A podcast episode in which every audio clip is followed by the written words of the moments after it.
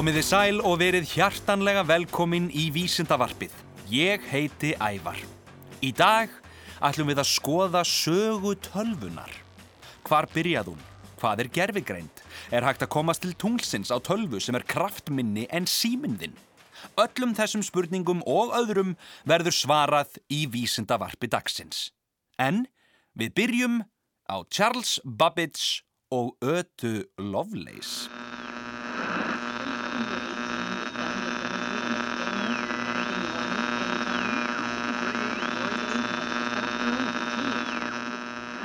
Charles Babbage var starffræðingur og uppfinningamadur.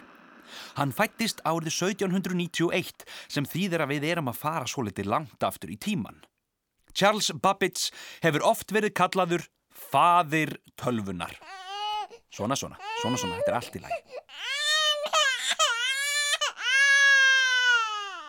Á sínum tíma bjó Charles Babbage til vélknúnar reiknivélar og það var einn þessara reiknivéla sem var það fullkominn að hægt væri að kalla hana fyrstu tölvuna.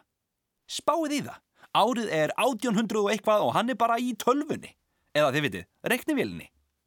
Það skal tekið fram að greiningarvélinn sjálf var aldrei byggð en hinar vélarnarnas Babbage sem voru smíðaðar þurft að knúa með handabli eða gufuvél. Þannig að þú varst ekkit að taka þessar tölfur með þér á kaffihús í vinnuna eða í skólan. Ada Lovelace, gríðarlega klár kona og vinkona Babbage, hefur oft verið kölluð fyrsti forritarinn. Hún var fenginn til þess að þýða greinar um greiningarvélina hans Babbage en var svo klár að hún bara varða að fá að bæta nokkrum aðtöðasemdum við í leiðinni. Á endanum var hennar þýðing miklu lengri en upphaflega greinin og þar má meðal annars finna það sem kalla má fyrsta forritið. Forritunarmálið ADA, ADA, er nefnt í höfuðið á ötu Lovelace.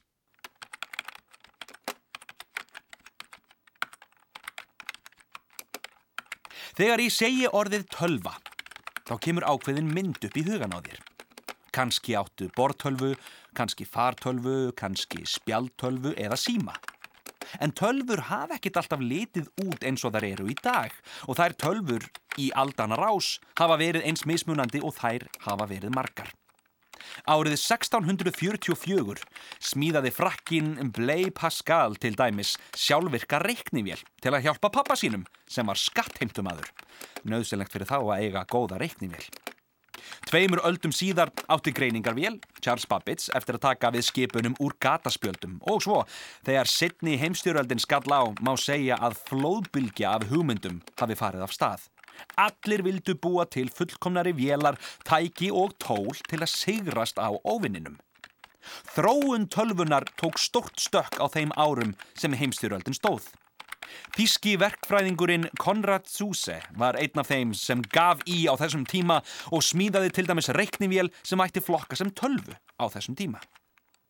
Svo voru það bandaríski eðlisfræðingurinn John Mockley og ramagsverkfræðingurinn Presper Eckert sem smíðuðu tölvuna ENIAC, E-N-I-A-C, sem hjálpaði bandamönnum að reikna miklu hraðar en venjulega hvert er ætti að beina fallbusunum sínum.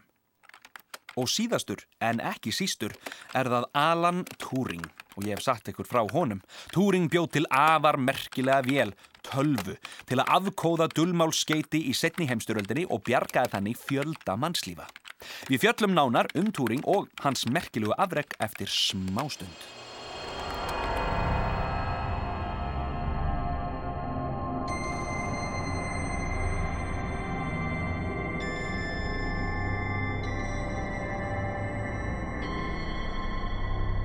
Ef þú hefur farið í tölvu, hefur þú opnað forrit. Ef þú hefur skrifað réttgerð, farið á netið, spila tölvuleik, hort á bíómyndi tölvunuðinni eða skoða póstinn þinn, hefur þú opnað forrit. Forrit eru það sem dregur okkur að tölvunni. Sum þeirra eru sérstaklega hönnuð til að auðvelda okkur lífið, eins og til dæmis réttvinnsluforrit. Og önnur eru hönnuð eins og hálgerð dæradvöl, eins og til dæmis tölvuleikir. Að grunni til er forrit röð skipana sem segir tölvu að gera eitthvað. Til dæmis byrta texta á skjá, prenta skjál, reikna starfræðidæmi eða senda skilaboð. Forrit tala nokkur mismunandi forritunar mál, alveg eins og við mannfólkið tölum mismunandi tungumál. Dæmi um forritunarmál sem margir þekkja eru forritunarmálin Java, C++ og Pascal. Ég held reyndar að Pascal sé líka nafn á jógurt, minnir að ég hafi séð það eitthvað tíman í útlöndum. Þessi forritunarmál eru samt langt frá því að vera eitthvað sem við mennirnir getum lesið, ekki fyrir ekkar en tölvan skilur mannamál og þess vegna þarf þýðanda. Þýðandin er forrit sem vaknar til lífsins þegar við sláum skipun inn í tölvun okkar. Þýðandin þýðir skipunina yfir á tungumál sem tölvan skilur, vélarmál, og þá gerir tölvan það sem hún á að gera. Í hvert einasta skiptið þú gerir eitthvað í forriti þá fer þetta svakalega samtal af stað, án þess einu sinni að þú takir eftir því. Hefur þau einhver tíman reyndað að búa til dullmál og senda leyniskilabóð til vinaðina? Eða fundið kannski falin skilabóð einhver staðar sem þú veist, þú veist að þau eru skrifið á dullmáli en þú bara getur ekki ráðið það. Fá dullmál í mannkinsögunni hafa verið eins flókin og dullmálið sem kom út úr þísku dullmálsvélinni Enigma í setni heimstyröldinni. Fljótt á litið virkaði þessi litla tölva sem leit út eins og skrítin rítvél, ekkert svo merkileg, en annað átti eftir að koma á daginn. Þjóðverjar notuð hana til að senda skilaboð sín á milli um allan heim.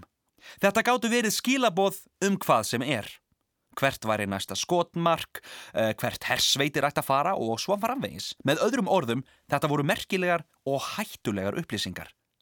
Og það var í raun allt í góði þótt að einhverjir aðrir kæmust yfir skilabóðin vegna þess að þau voru svo svakalega vel dulkóðuð. Engin gatt skilið þau þángað til starfræðingurinn Alan Turing og hans teimi komu til sögunar. Þeir smíðuðu tölvu sem gæti ráðið dulmálið. Og ég segi það kæruleysislega eins og það hafi ekki verið neitt mál en þetta tók mörg ár og á sama tíma dóu ótal margir í stríðinu. Þegar bandamenn gáttu loksins ráðið dulmálið með hjálp Turing og tölvunar nýttist hún sérstaklega vel við leit að þýskum kavbátum sem margir hverjir voru faldir hér og þar um heimshöfin. Kanski voru meira að segja kavbátar hér við Íslandstrendur sem enginn vissi af. Hver veit?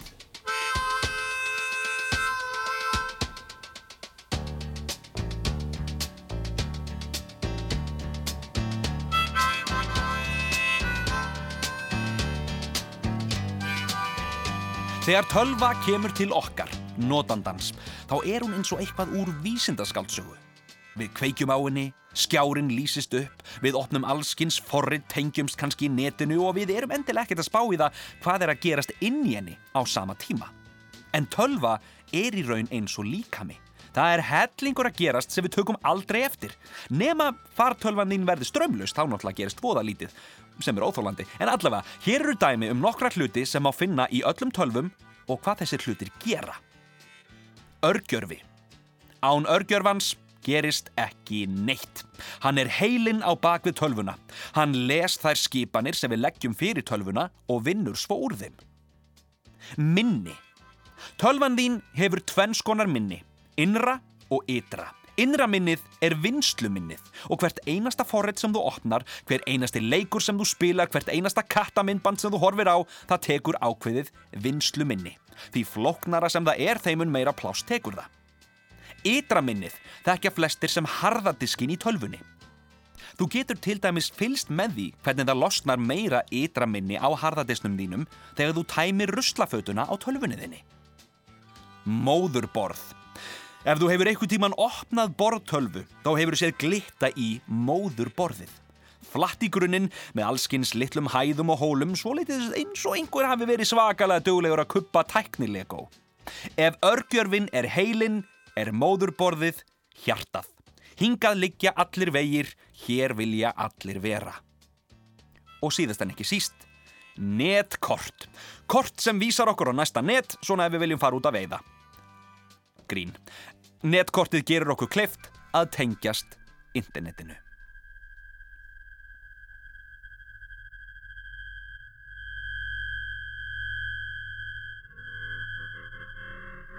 Þann 20. júli árið 1969 steg geimfarin Neil Armstrong út úr Apollo 11 geimfarinu og sagði hinn heimsfrægu orð Þetta er lítið skref fyrir mann, reysa stökk fyrir mannkinnið.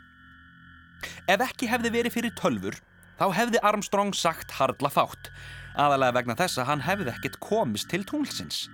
Tölfur skiptu nefnilega höfuðmáli þegar komað geimferðum og gera enn þann dag í dag. Krafturinn í tölfunni sem kom geimferðunum til tunglsins var varla meiri en í vasarekni nútímans en náði samt að koma þeim 356.000 km leið og aftur tilbaka, sem er mjög mikilvægt. Stýrikerfi Apollo geimflögarinnar var kallað AGC sem stendur fyrir Apollo Guidance Computer og virkaði þannig að geimfararnir stimpluði inn nafn og sagnorð eftir í hvað þeir vildu að geimflögin myndi gera. Í dag eru til bröðristir sem geta tekið við floknari skipunum en það.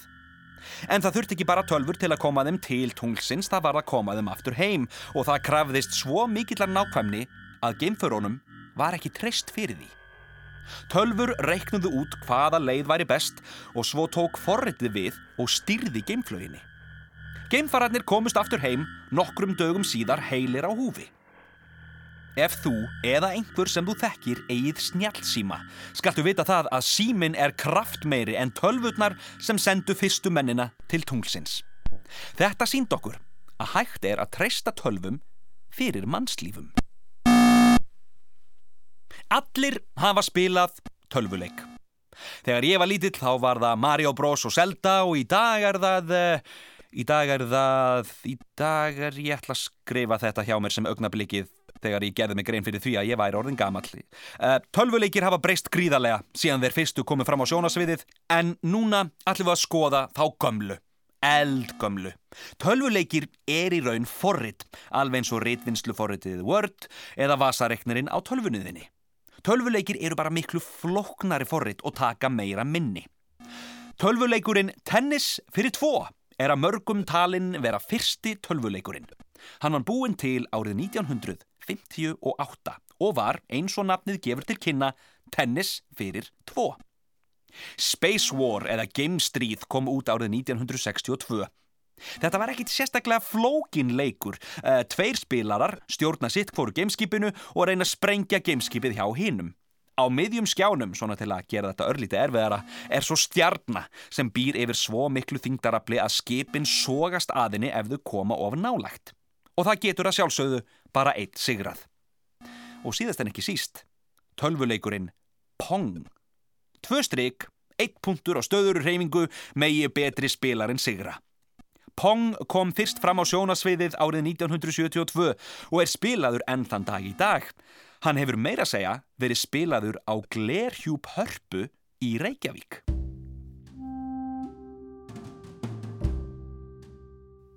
Í kvikmyndum, bókum og tölvuleikjum er gerfigreind oftast eitthvað stór hættulegt. Forrit sem er orðið meðvitað um sjálft sig og fer að taka sjálfstæðar ákvarðanir. En hversu raunveruleg er gerfigreind? Það er talað um gerfigreind þegar tölva skilur umhverfi sitt og getur tekið sjálfstæðar ákvarðanir byggðar á þeim upplýsingum sem hún hefur sangað að sér. Við erum ekki enn á þeim stað að til sé gerfigreind í tölvu sem við getum bara spjalla við eins og mannesku en við erum samt að færast örlítið nálægt því. Siri forritið í vörunum frá Apple er til dæmis ágætist dæmi um það. Þú getur spurt hana allskinn spurninga og hún svarar þér. Hún svarar endilega ekkit alltaf rétt en hún svarar þó. Þá er árlega haldinn keppni, þar sem forritarar geta reynt að sigrast á svokulluðu Turing-prófi, muniði Alan Turing, þar sem þeir mæta með forrit sem þykist vera alvöru manneskja. Sérstök dómnemnd sem fær ekki að sjá hvort hún sé að tala við mannesku eða tölvu situr í öðru herbergi og reynir að ákveða sig. Árið 2014 tóks tölfunni Eugene Gustman að sigrast á Turing-prófinu þegar hún náði að sannfæra 33% þeirra sem voru að halda prófið um að hún væri ekki forritt heldur 13 ára strákur frá Úkrænu. Það eru þó ekki allir sammála um það hvort að Gúsmann hafi í raun og veru sigrast á prófinu og segja að þótt að 33% hafi haldið að forritið væri manneskja þá letu hinnir ekki kappa sig.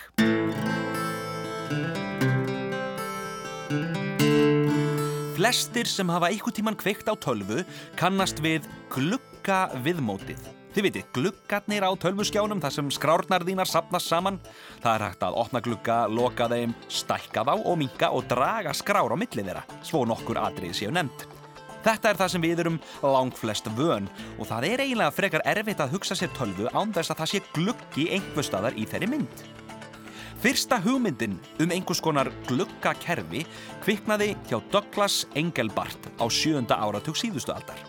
Engelbart var maðurinn sem fann upp tölvumúsina en músin var kölluð mús vegna þess að snúran á öðrum endanum leit út eins og skott.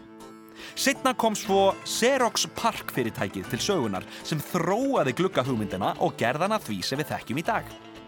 Árið 1984 ákvað Steve Jobs, stopnandi Apple fyrirtækisins, að nota glugga í Macintosh stýrikerfinu, fyrst allara stýrikerfa. Nokkrum árum setna fylgdi Bill Gates, stopnandi Microsoft tölvurreysans eftir, með Windows stýrikerfinu, sem líka byggðist á gluggaviðmótinu. En Windows þýðir auðvitað gluggi. Ef þú ættir að hanna stýrikerfi og mættir ekki nota glugga, hvernig myndur þú hanna það? Hugsaðu málið.